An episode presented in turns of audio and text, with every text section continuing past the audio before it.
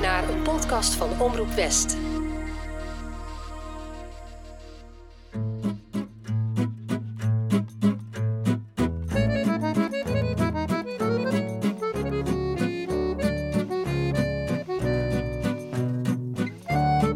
Bonjour, mijn naam is Tess en leuk dat je luistert naar Enchanté, de chanson podcast.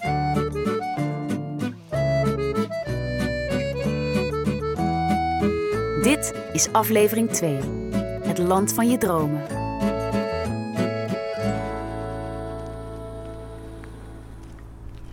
Je hebt het vast al gemerkt.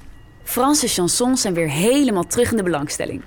En waar vind je de grootste Franse gemeenschap in Nederland? Natuurlijk in de internationale stad Den Haag. Dat straalt uit in de rest van onze regio. Want ook daar maakt Franstalige muziek een opmars. En natuurlijk gaat Omroep West daarin mee. Als geboren Boskoopse en import Haagse neem ik je mee in de wereld van la chanson française. Jee, aflevering nummer 2. Ik hoop dat je genoten hebt van de vorige aflevering. En ik heb dit keer natuurlijk weer een paar prachtige nummers met bijzondere achtergrondverhalen voor je in petto. Wie komen er langs? Ik heb Michel Sardou.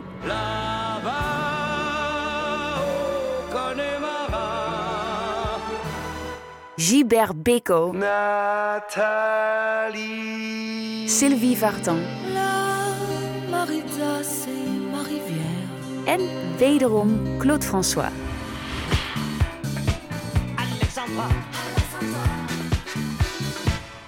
En natuurlijk tip ik een paar luistertips van nu. Binnen het thema.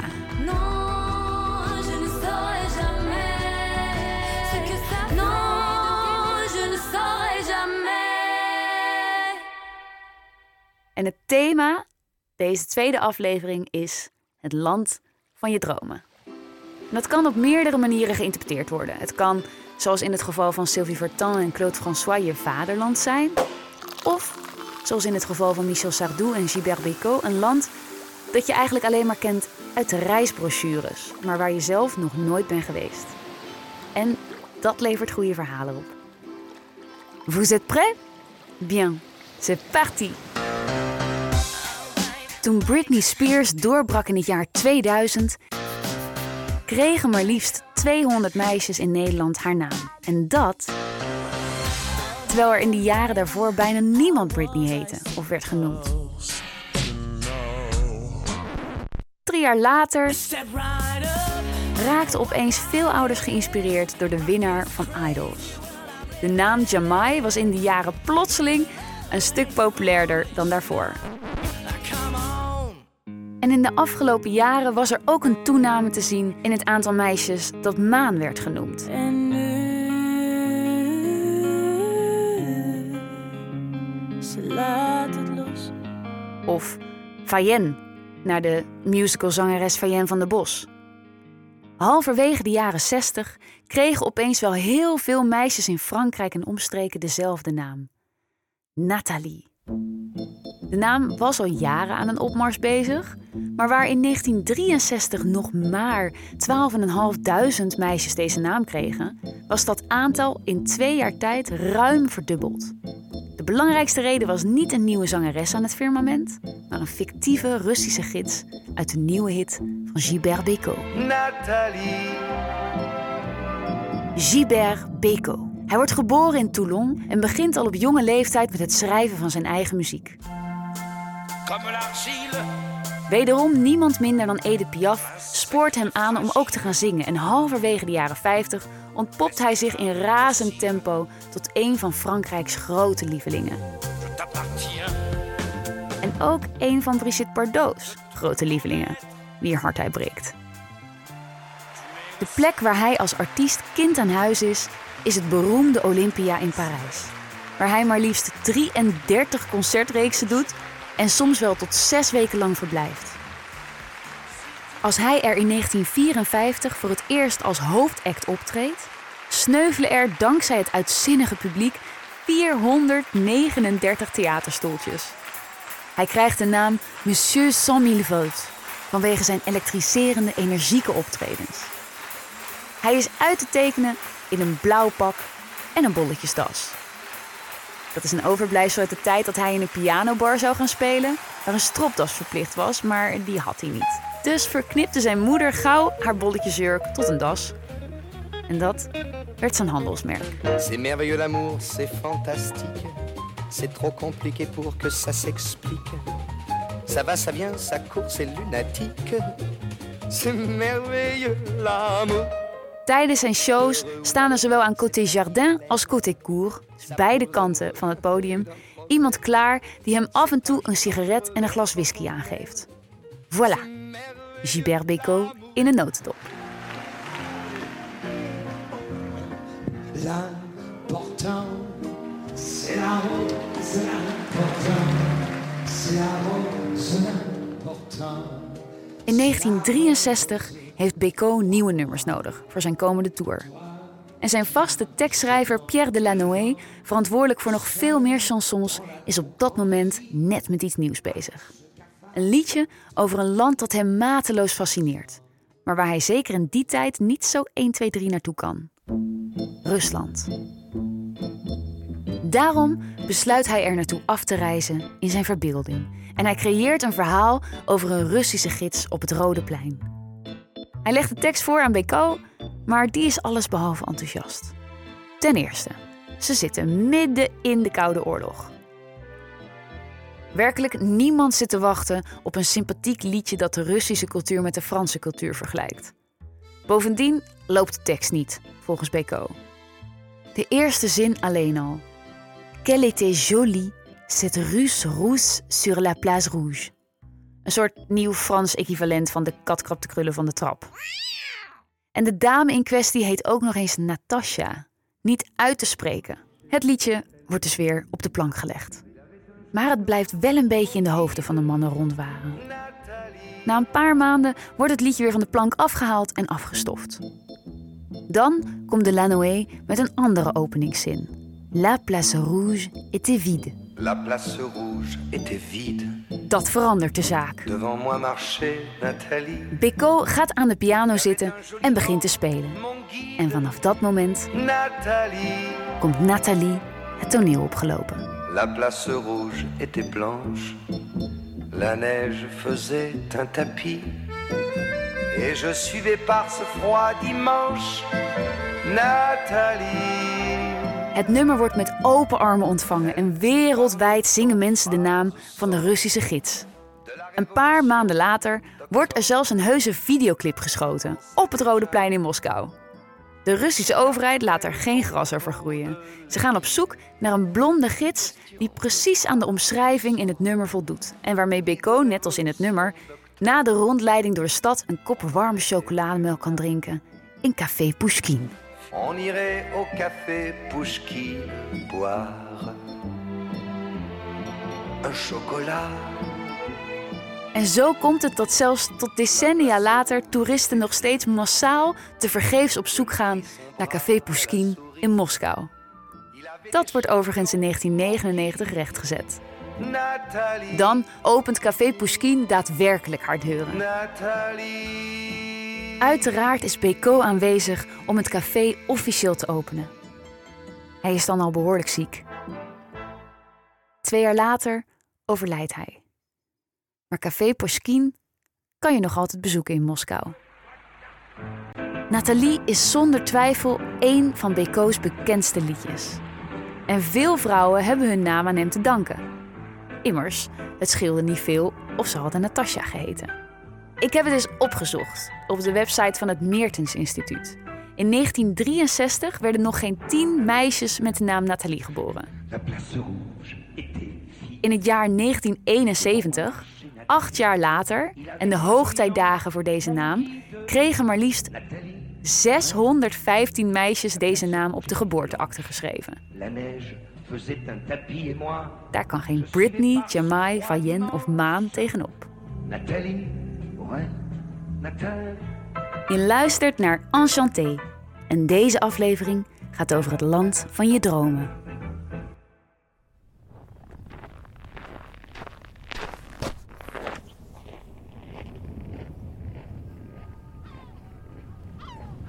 Een zeven minuten durend nummer over een Ierse trouwpartij ten tijde van de IRA-aanslagen. Dat begint met een ontstemde synthesizer. Ik weet niet hoe jij het vindt klinken, maar mij lijkt het een ontzettend slecht idee. Toch werd het een wereldhit. Het begon allemaal in de zomer van 1981. Sardou heeft zijn vaste tekstschrijver Pierre Delanoë, daar is hij weer, uitgenodigd voor een weekendje schrijven in zijn vakantiehuisje in Normandië. Ook Sardou's vaste componist Jacques Revaux is daar naartoe onderweg. Revaux heeft zijn synthesizer achter in zijn auto gegooid en tuft in de zinderende hitte richting het kleine plaatsje Saint-Georges Motel. Daar aangekomen haalt hij het instrument uit de achterbak, installeert het in de huiskamer van Sardou en slaat een paar noten aan.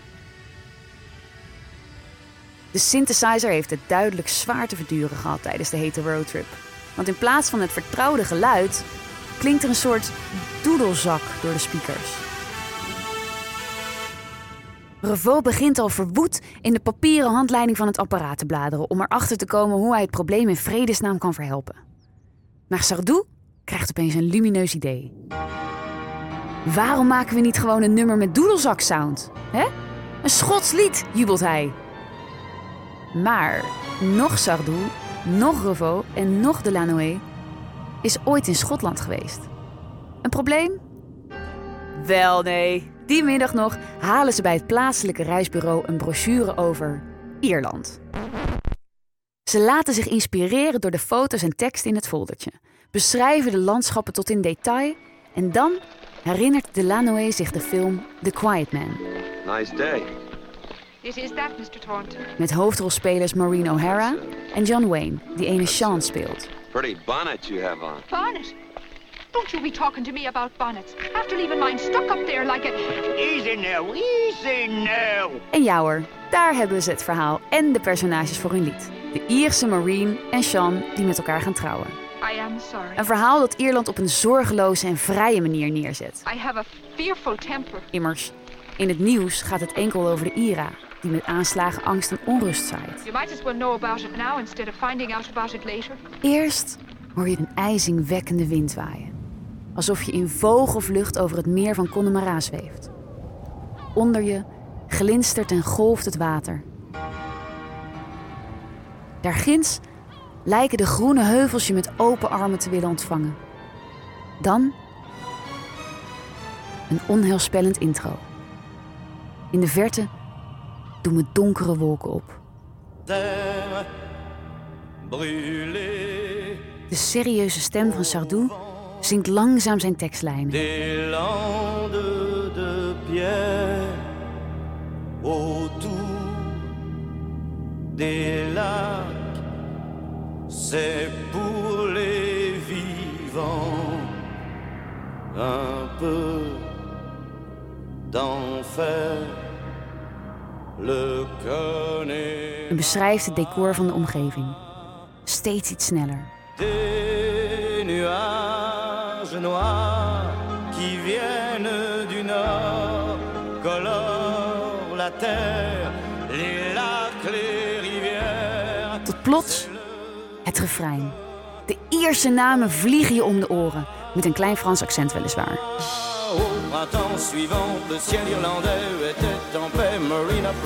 Marine en Sean, maar ook Tipperary, Barry Connolly en Galway. En hey, is daar niet die ontstemde moog van oui. Als het nummer klaar is, wordt het opgenomen in de legendarische Abbey Road Studios. Samen met een schamele 220 muzici. Sardou is echter behoorlijk sceptisch over het nummer. Welk radiostation gaat een zes minuten durend lied draaien? Eigenlijk is het gewoon zonde van het geld dat ze zo uitpakken. Maar het loont.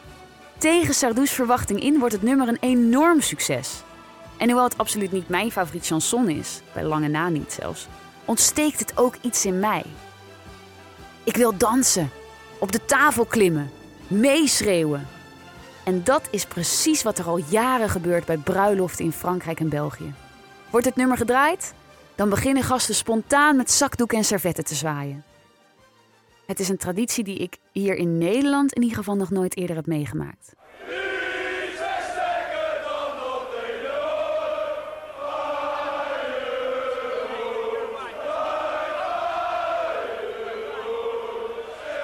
Waar ik het nummer dan weer van ken, is de keren dat mijn vader mij toen ik nog een klein meisje was meenam naar de Kuip als Feyenoord moest spelen. En het nummer werd geroepen, geschreeuwd, gescandeerd door alle voetbalsupporters, keihard vanaf de tribune. Natuurlijk kenden ze geen woord van het nummer zelf, maar ze kenden in ieder geval de melodie. Jaren geleden ging ik als steekproef de straat eens op tijdens carnaval. En vroeg ik mensen om een nummer af te maken dat ik begon te zingen. Dat hoefde niet woordelijk, maar dat kon gewoon met la la la. En iedereen kende dit nummer. Iedereen kende Le Lac du Connemara.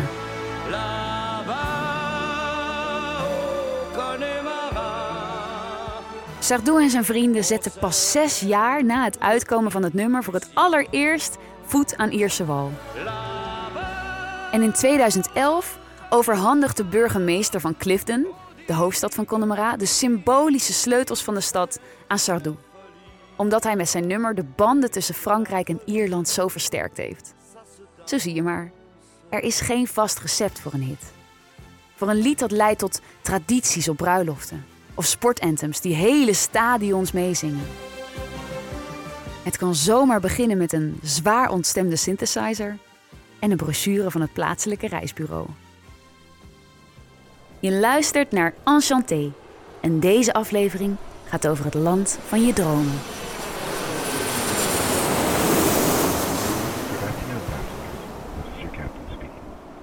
Het is 21 april 2018. Deze ochtend ben ik samen met mijn vier beste vriendinnen aangekomen in Sofia, de hoofdstad van Bulgarije, voor een citytrip van een paar dagen. We hebben een Airbnb-appartementje midden in de stad gevonden, aan de drukste en meest bekende winkelstraat van de stad. Het is een warme lentedag. Vanaf de terrassen stijgen drukpratende stemmen op in een taal die we niet verstaan. We horen het klinken van glazen en luid gelach en tussen de plantenbakken spelen kinderen verstoppertje. Op de achtergrond, heel wat kilometers hier vandaan, lijkt de Vitosha-berg een soort levensgroot schilderij. Ik ben meteen verliefd op deze stad. We hebben nog geen 50 meter gewandeld of mijn aandacht wordt getrokken door een grote reclamezuil met daarop een gezicht dat ik direct herken. Blonde, golvende haren, de ogen sereen gesloten en een stoere witte blouse met een colbert eroverheen. Hé? Sylvie Vartan, roep ik. Sylvie Vartan speelt hier vanavond. Mijn vriendinnen kijken me een beetje verbaasd aan, maar concluderen net zo snel dat het waarschijnlijk om een chansonzangeres gaat, want anders reageer ik niet zo. Ik zoek direct op mijn telefoon op waar de concertzaal is en of er nog kaartjes zijn. Het National Palace of Culture blijkt zich op acht minuten wandelen van ons appartement te bevinden. En het is nog niet uitverkocht. Met puppyogen kijk ik mijn vriendinnen aan. Kunnen ze me misschien één avondje missen? Alleen vanavond? Uiteindelijk maken we de volgende afspraak. Ik ga vanavond in mijn eentje naar het concert. Zij gaan lekker cocktails drinken. En daarna gaan we met elkaar naar een karaokebar. Prima deal. Die avond wandel ik in acht minuten door een prachtig park naar de concertzaal. Ik laat mijn kaartje scannen en blijk een zitplaats midden in de zaal te hebben, vlak voor het podium. Om mij heen honderden Bulgaren. Het licht in de zaal gaat uit, de spots op het podium gaan aan en de muziek begint. Dan komt Sylvie het podium opgelopen. Applaus stijgt op vanuit de stoelen. Sommige mensen joelen. Bonsoir, roept ze. En dat is die avond ook meteen het allerlaatste woord Frans dat ze zal spreken.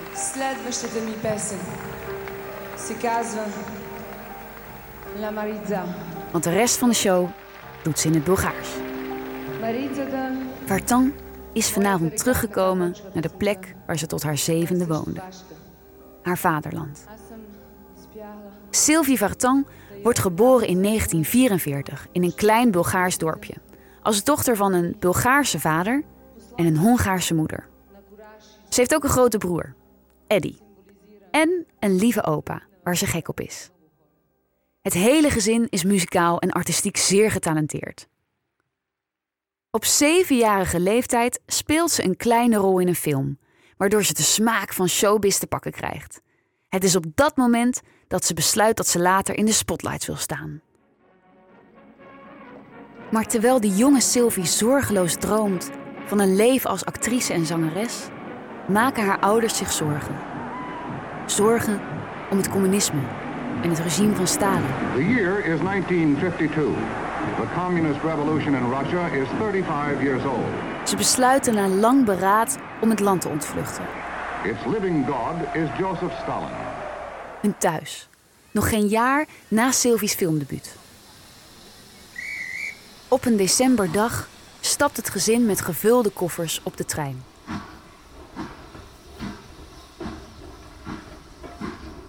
Terwijl deze wegrijdt, ziet Sylvie haar opa, die hen op het perron uitzwaait en nog een klein stukje met de rijdende trein meerent, uit het zicht verdwijnen.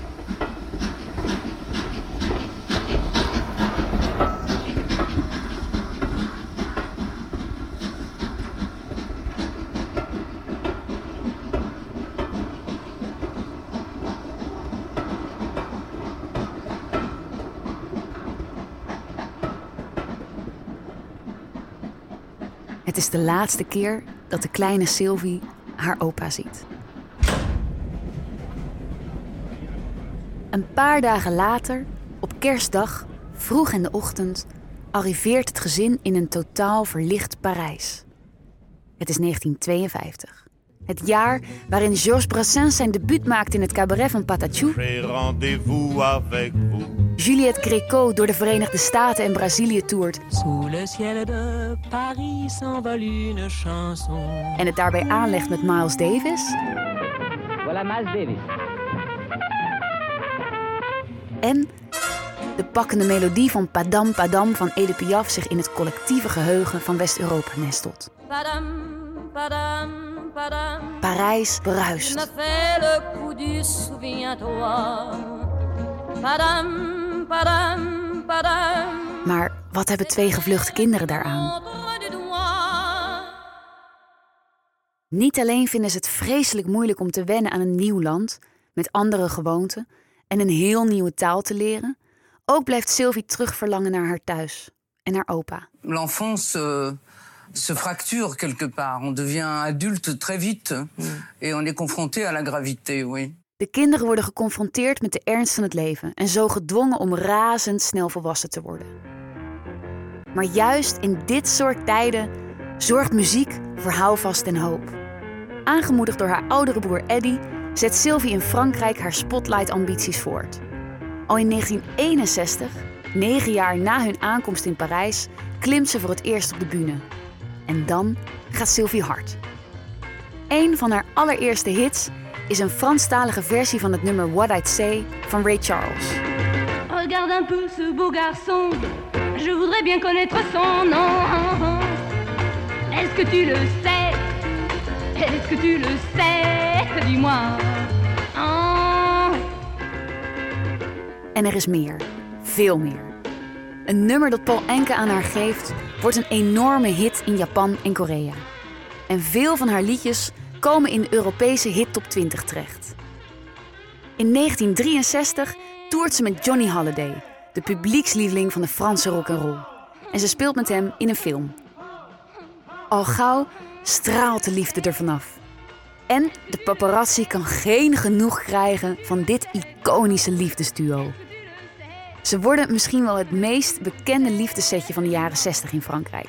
Magazines staan vol met foto's van het paar en hun bruiloft in 1965 wordt ook breed uitgemeten. Monsieur Jean-Philippe Léosmet, consentez-vous à prendre pour épouse Mademoiselle Sylvie Georges Vartan, ici présente Oui. Mademoiselle Sylvie Georges Vartan, consentez-vous à prendre pour époux Monsieur Jean-Philippe Léo Smet, ici présent. Oui. Au nom de la loi, nous vous déclarons unis par le mariage. Een jaar later staan de kranten weer vol. Johnny en Sylvie zijn de ouders geworden van zoon David. Sylvie is nog steeds piepjong. En op haar 24ste staan agenda's en dagboeken van tieners volgeplakt met haar foto's. En worden haar liedjes over de hele wereld gedraaid. Maar tussen al die lichtvoetige nummers mist er volgens haar team nog een sterk biografisch chanson. Pierre Delanoë, je kent hem inmiddels, heeft nog nooit iets voor haar geschreven, maar gaat aan de slag. Speciaal voor Sylvie schrijft hij een liedje over de vlucht van het gezin uit hun thuisland Bulgarije, waarin hij de heimwee, de angst om te vergeten en de vaderlandsliefde schitterend weet te omschrijven. Op een kaart van Bulgarije merkt hij een meanderende rivier op, de Maritsa. En hij durft het aan om in de allereerste zin van het nummer een vergelijking te maken met de Seine, zodat de Fransen zich er direct mee kunnen identificeren. La Maritza, c'est ma rivière, comme la Seine et la tienne. Maar Sylvie, Sylvie voelt hem niet. Ze is nog jong, ze zingt voornamelijk gezellige niets aan de hand liedjes en ze wil gewoon plezier hebben. Bovendien, ze heeft toch succes met blije nummers, waarom zou ze dan nu opeens op de emotionele tour moeten? Toch wordt ze overgehaald het liedje op te nemen en dan komen de herinneringen bovendrijven die ze al die tijd begraven had.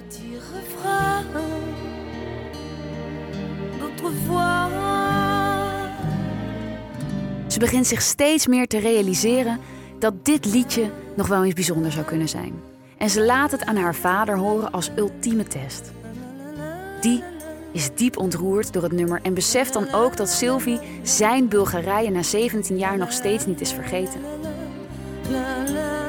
Het nummer komt uit en wordt misschien wel het meest iconische nummer van haar carrière. Twintig jaar later, na de val van het communisme, gaat Sylvie samen met haar broer Eddie en haar zoon David voor het eerst terug naar Bulgarije. Sylvie, ici accompagnée de son frère et de son fils, retrouve en même temps que la maison de son enfance, la Bulgarie des années de guerre. Entrez, entrez, Sylvie. Un choc pour Sylvie, qui en plus Het is een emotioneel weerzien. Niet alleen met het huis en de omgeving van haar jeugd, maar ook met de mensen. Sylvie ziet tot haar Roumanie, verdriet hoe het land in verval is geraakt. Euh, Ook treedt ze voor het eerst in haar vaderland op. Daar zingt ze La Maritza voor het eerst voor het Bulgaarse publiek. La Maritza, c'est ma rivière, comme la Seine et la tienne. Vanaf dat moment laat ze Bulgarije nooit meer los. Ze richt een stichting op die donaties voor ziekenhuizen en weeshuizen binnenhaalt en adopteert in 1997 een meisje uit Bulgarije, samen met haar man Tony Scotti. De relatie met Johnny Halliday is dan al enige jaren daarvoor behoorlijk op de klippen gelopen. In de jaren daarna blijft ze het land toevoegen aan haar tourschema. Onder andere in 2009, 2014 en 2018.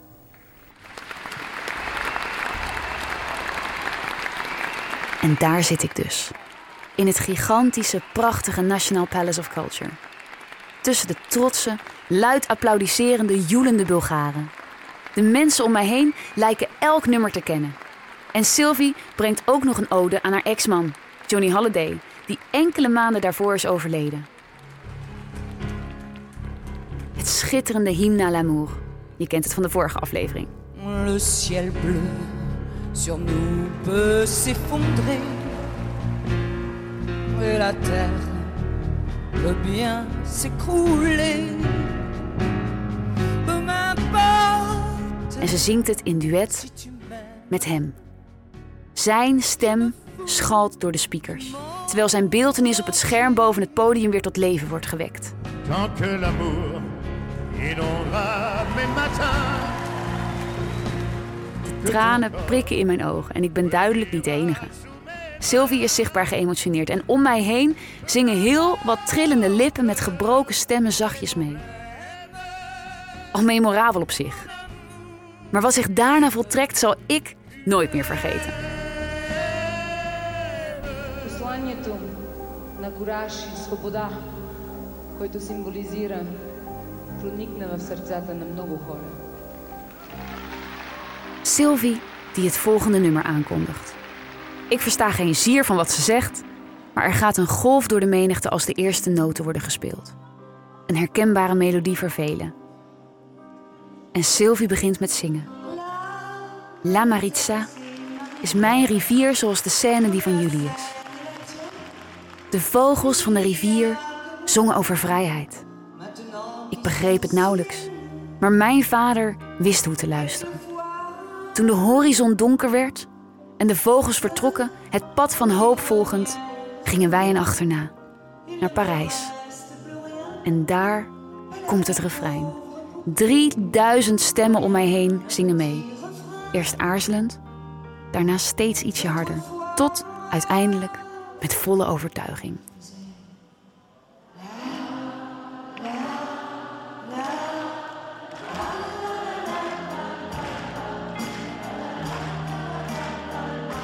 Na afloop staan mijn vriendinnen mij buiten de deuren van het concertgebouw op te wachten. Mijn gezicht moet boekdelen hebben gesproken. Ik krijg van elk een knuffel en samen lopen we gearmd via het park terug naar het centrum, richting de beloofde karaokebar. Welke hit er die nacht ook luidkeels meegezongen wordt, er is maar één melodie die blijft nagalmen. Sylvie Vartan zong La Maritza als ode aan haar thuisland en haar mensen. En aan haar opa.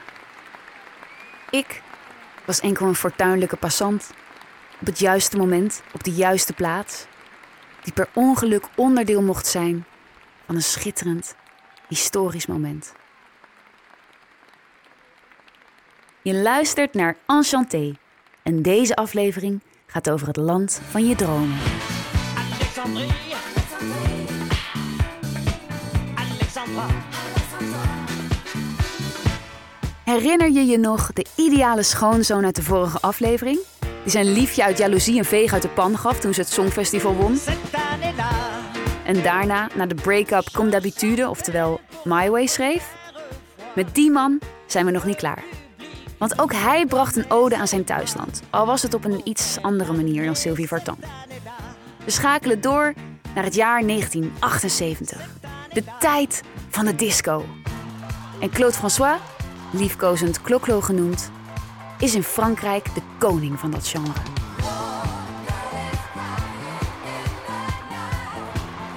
Hij staat op het punt zijn nieuwste hit uit te brengen. Zijn rol als disco-koning neemt Claude François niet bepaald lichtzinnig op. Sterker nog, hij gaat er helemaal voor. Hij betreedt het podium in een glitterpak en laat zich flankeren door vier of vijf schaars geklede vrouwen. De Claudette. Zodra de muziek begint te klinken, komen de eerste danspasjes tevoorschijn. Nu moet ik toegeven, het begint een beetje houterig. En ook niet helemaal synchroon, als we terugkijken naar de video's. Met gebogen armen die van links naar rechts zwiepen. Een beetje zoals kinderen naar hun moeder zwaaien. Van, mam, kijk, ik ben op tv. Of zonder handen. Maar daarna begint het echte werk. Een choreografie met bijbehorende kreten. Die ook vandaag de dag nog in elke hoek van Frankrijk moeiteloos wordt uitgevoerd en meegezongen. Door jong en oud. Deze soundtrack van het onbezorgde discotijdperk heet Alexandrie, Alexandra. En de compositie komt deels van Claude François zelf. Omdat Claude niet de meest ja, diepzinnige teksten schrijft en er daarom nog wel eens lacherig over hem wordt gedaan, roept hij de hulp in van Etienne Rodagil. Die op dat moment al mooie teksten heeft afgeleverd voor Barbara, Juliette Gréco en Julien Clerc. De opdracht van Claude neemt hij zeer serieus. En hij haalt zijn inspiratie uit het land waar Claude François geboren is: Egypte. En jawel, Claude herkent heel wat elementen terug. Gesluierde vrouwen en de Nijl komt voorbij. En oh, het gaat ook nog over zeemerminnen in de haven en de vuurtoren van Alexandrië. Maar bovenal lijkt het een sensueel liefdeslied. Oh, en er komt ook nog wat heimwee naar zijn vroegere jeugdboogbedrijven. Maar waar gaat het lied aan zich nou precies over? Heel ver komen de liedtekstanalisten niet. En Claude geeft ook zelf gekscherend toe dat hij eigenlijk niet zo goed weet wat nou precies het punt van dit nummer is. Toch zingt hij vol overtuiging dat hij meer trek heeft dan een barracuda. En het publiek vindt het prachtig en roept luidkeels mee. Ah. Op 11 maart 1978 is Claude uitgenodigd bij een televisieprogramma om zijn nieuwe single te promoten. Het is één van de eerste zonnige dagen van het jaar en Claude neemt het ervan. Hij ligt onderuitgezakt in een stoel op zijn terras en bruint alvast even bij. Dan wordt hij gebeld. Hij schokt naar zijn telefoon en neemt op. Aan de andere kant hoort hij televisiepresentator en zijn beste vriend Michel Drucker. Claude, je moet nu wel echt een beetje opschieten. Je bent al hartstikke laat. We wachten hier op je, hè? Je had hier al moeten zijn. Je pak is gestreken, alles is perfect geregeld. Wij beginnen alvast met de repetitie, maar zorg wel dat je meteen deze kant op komt. Claude, die werkelijk in alles een perfectionist is, behalve in op tijd komen, belooft dat hij eraan komt. Hij neemt alleen nog even een douche. Hij stapt de badkuip in, draait de kraan open en laat het water warm worden. Dan valt zijn oog op de lamp boven hem die al dagen hinderlijk flikkert. Hij besluit dat hij er klaar mee is. Vier dagen geleden is er nog een elektricien geweest die het hele huis gecheckt heeft. Er is dus niks te vrezen. Waar Claude zich op dat moment niet van bewust is, is dat de elektricien twee vertrekken heeft moeten overslaan. De slaapkamer, waar Claude op dat moment een tukkie lag te doen, en de aangrenzende badkamer. Claude draait aan de lamp en ziet niet de losliggende elektriciteitskabel. Er gebeurt niks. Dan geeft hij er een flinke sjor aan. Het licht gaat uit. À 16h10 cet après-midi, un premier télégramme nous est parvenu. Quatre mots sur une dépêche pour vous apprendre que Claude François était mort. Op 39-jarige leeftijd overlijdt Claude François aan een longembolie door elektrocutie. De engeltjes op zijn schouder zijn simpelweg op. De afgelopen jaren is hij al meerdere keren aan de dood ontsnapt. Een brand in zijn huis, een molotovcocktail die door het raam van zijn kantoor naar binnen werd gegooid, een aanslag van de IRA waar hij geheel toevallig op het verkeerde moment op de verkeerde plek was, een schietpartij op de snelweg waarbij hij met 230 km per uur wordt achtervolgd door een aantal mannen die zijn auto doorboren met kogels en die achteraf in de georganiseerde misdaad blijken te zitten. Elke keer komt Kloklo met de schrik vrij. Maar niet vandaag. De disco-koning van Alexandrië is niet meer. Het nieuws komt binnen in de studio als op dat moment net een ander programma live op televisie is. Presentator Guy Lux weet niet wat hij moet zeggen, valt over zijn woorden. Voor het oog van tv-kijkend Frankrijk roept hij Michel Drucker bij zich, die Claude François later die middag zou interviewen. Ook Sylvie Vartan en de zanger Pierre Perret betreden met droevige gezichten het podium. We zijn diep geraakt hier in Butte-Chaumont. Het is verschrikkelijk. Onze vriend Claude François is dood. We zijn sprakeloos en even helemaal de weg kwijt. Tous ceux qui sont là. euh, En dat geldt voor heel Frankrijk. De rouw is enorm.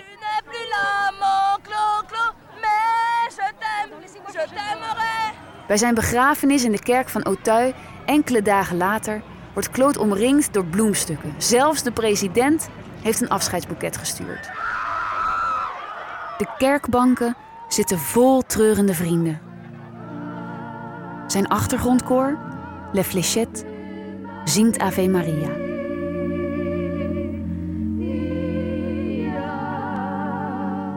Buiten de kerkdeuren is het geluid hoorbaar van hordes hysterisch huilende fans die zich achter de dranghekken hebben verzameld. Sommigen worden er door verdrukking en opgelopen emoties uitgetild en meegenomen naar de EHBO. Anderen snellen zich naar de dichtstbijzijnde platenzaak en kopen dan maar de 45 toerenplaat van Alexandrie, Alexandra, die precies die dag is uitgekomen. En huilen op een discobeat, tranen waar de Nijl mee gevuld kan worden. Vier dagen voor zijn overlijden geeft Claude François zijn laatste interview en praat daarin, toevalligerwijs, over zijn visie op de dood. Dat hij hevig hoopt dat er iets bestaat als reïncarnatie. La réincarnation, si vous préférez. C'est ce que je souhaite vivement. C'est- Ça serait Ik hoop niet dat ik verdwijn. Dat lijkt me zo dramatisch. Ik leid en leef liever dan dat ik gelukkig sterf. Ik hoop zo dat hij het weet.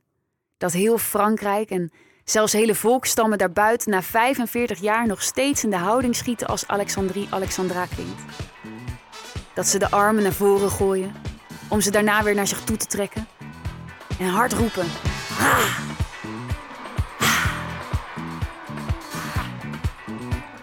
Dat hij zelf misschien niet, maar zijn muziek wel voortleeft. Dat hij zichzelf daarmee onsterfelijk heeft gemaakt. Ook vandaag de dag wordt er nog steeds fantastische en te gekke Franstalige muziek gemaakt. Elke aflevering geef ik daarom luistertips binnen het thema. En nog een beetje voortbordurend op het thema van de vorige keer, de sensationele liefdes, ben ik dit keer op zoek gegaan naar liefdesverhalen op andere plekken, in andere landen. Numero 3. Boulevard Désert met Bruxelles. Si j'étais celui, toi tu es la seule. Si je reste ici, tu rentres à Bruxelles. Brussel is dan misschien niet zo heel erg ver, maar het is wel een bron van inspiratie voor heel veel liedjes. En een droomland. In dit liedje van Boulevard Désert wordt bezongen hoe een Brussels vriendinnetje terug verhuist naar haar thuisstad. Haar vriend, vast een Fransman, besluit haar niet te volgen en zo komt een mooie relatie ten einde. Jammer maar helaas. Het levert wel een lekker liedje op. Numero 2. Mélanie Pain et Julien Doré. Helsinki.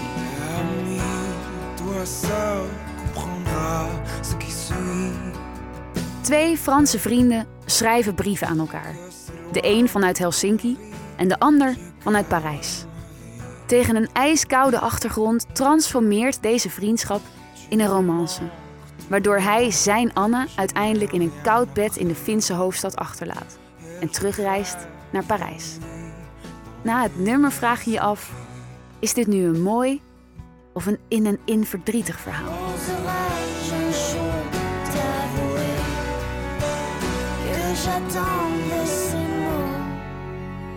Numero 1. Barbara Pravi, Barcelone. Vorig jaar won ze op een haar na net niet het Eurovisie Songfestival. Maar ook haar eerdere nummers zijn echt het beluisteren waard. Zoals dit prachtige liedje, Barcelone, dat uitkwam op een EP in 2020. Barbara beschrijft hierin een liefdesrelatie met iemand uit Spanje die niet heeft mogen zijn. Ze is namelijk zelf niet komen opdagen op het vliegveld. Ze besloot in Parijs te blijven en daar heeft ze spijt van. Spijt dat ze de ander heeft laten staan, waarschijnlijk met een bos bloemen in zijn handen. Spijt dat ze de liefde geen kans heeft gegeven.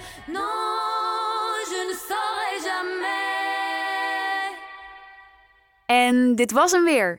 De tweede aflevering van Enchanté, de chanson podcast. De intromuziek is van Leon Siebem en mij, met accordeonspel van Lars Visser. In de volgende aflevering vertel ik je over chansons die tegen de stroom ingingen en die ervoor zorgden dat taboes bespreekbaar werden gemaakt. Maar ook het grootste enfant terrible van de Franse muziek komt langs, die zowel Whitney Houston als het Franse leger wist te beledigen. Wil je de volgende afleveringen niet missen? Abonneer je dan op deze podcast. En vergeet geen review achter te laten. Op die manier kunnen andere luisteraars de podcast beter vinden. Bedankt voor het luisteren. Et à la prochaine!